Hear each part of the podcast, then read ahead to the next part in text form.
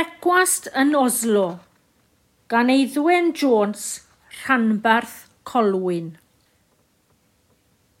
Erbyn hyn, rydw i wedi cael y fraint o weld tipyn golew o'r hen fyd yma. Wedi gweld rhyfeddodau natur, wedi clywed seiniau sawl iaith ac wedi mwynhau sgwrsio a phobl rhyfeddol a diddorol. Dwi wedi ffeindio fy hun mewn lleoedd anhygoel o hardd. Er enghraifft, i lwrw, neu ers roc fel mae'r rhai yn ei alw, yng nghanol Australia.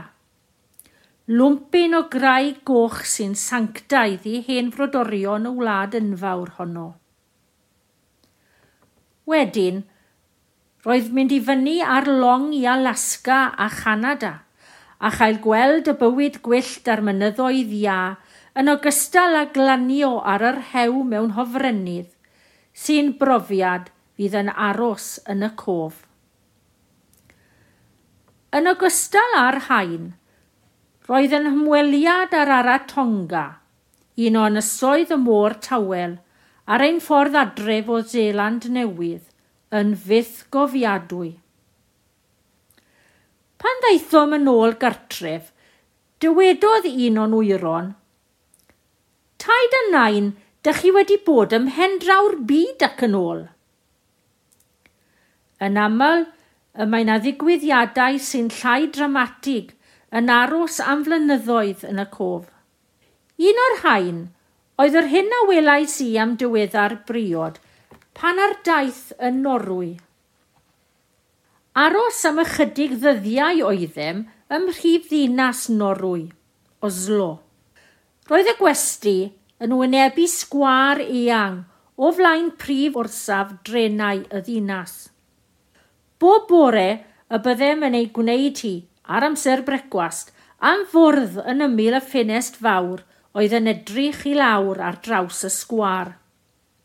Dyna ble oedden ni'n dau am awr y mwynhau ein brecwas gandanafiaidd ac yn holi pwy oedd yr holl bobl – ac i ble oeddent i gyd yn mynd, mynd, mynd ar gymaint o fris.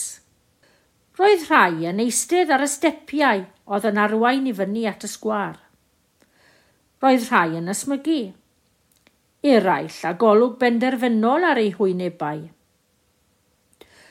Yr rhai oedd yn eistedd ar y stepiau oedd a golwg blinedig arnynt ambell i'w wraig yn gwisgo penwisg ac yn gwthio plentyn bach digon cyntachlyd yn y goets. Mae merched Sgandinafiaeth yn enwog am ei gwallt melin. Yn aml yn ei blethu yn ofalus, yn cyrraedd at y wasg neu ar dop y corin.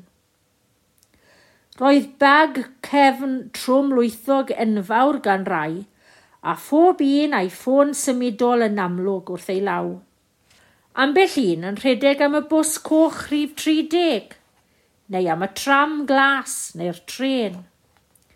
Eraill yn cerdded yn ben uchel ac ymddenol. Dau gariad yn mynd law yn llaw ac yn aros enni digisani. Wrth edrych i lawr ar y sgwar, roeddem yn cael ein atgoffa o ddarlun enwog lawri. Crochan berw o ddynoliaeth ar fynd bob dydd, yma ac acw ar draws y blaned.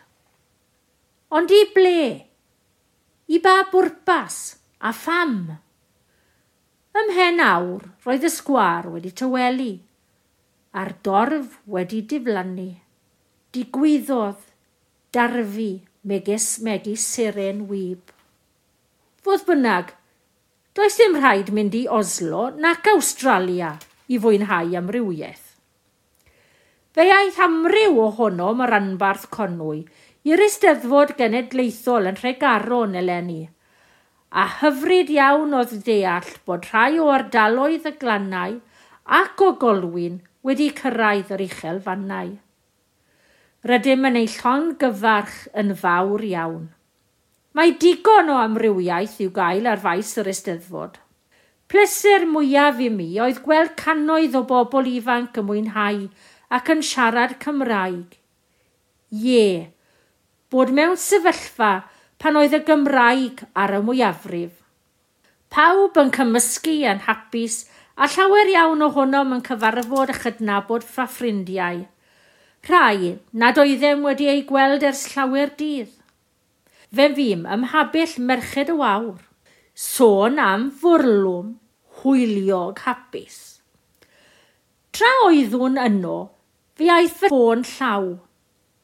Roedd cymaint o siarad yn mynd ymlaen, deallais i mor un gair gan y cyfrannwr. A da o beth oedd hynny, oherwydd rydym i gyd yn dibynnu cymaint ar y teclyn bach yma yn y dyddiau hyn. Mi gredaf ei bod yn well o lawer cael sgwrs wyneb yn wyneb. Cefais i a fy ffrind Margied gyfle i fynd i ystrad fflir ar y dyddiau. Sôn am hyfrydwch o weld man gorwedd, mae nhw'n dweud, Dafydd ap Gwylim. Mae o'n fangre hyfryd a thlws a'r tywelwch yn hyfryd. I ffwrdd â ni i gyfeiriad llyn eiddwen – Cawsom dipyn o drafferth yn cyrraedd y llyn ar hyd y ffordd gil. Ond o, am olygfa. Hyfryd hefyd oedd cael edrych ar y gofeb i feirdd y mynydd bach. Difyrwch llwyr ar ddiwrnod hyfryd iawn.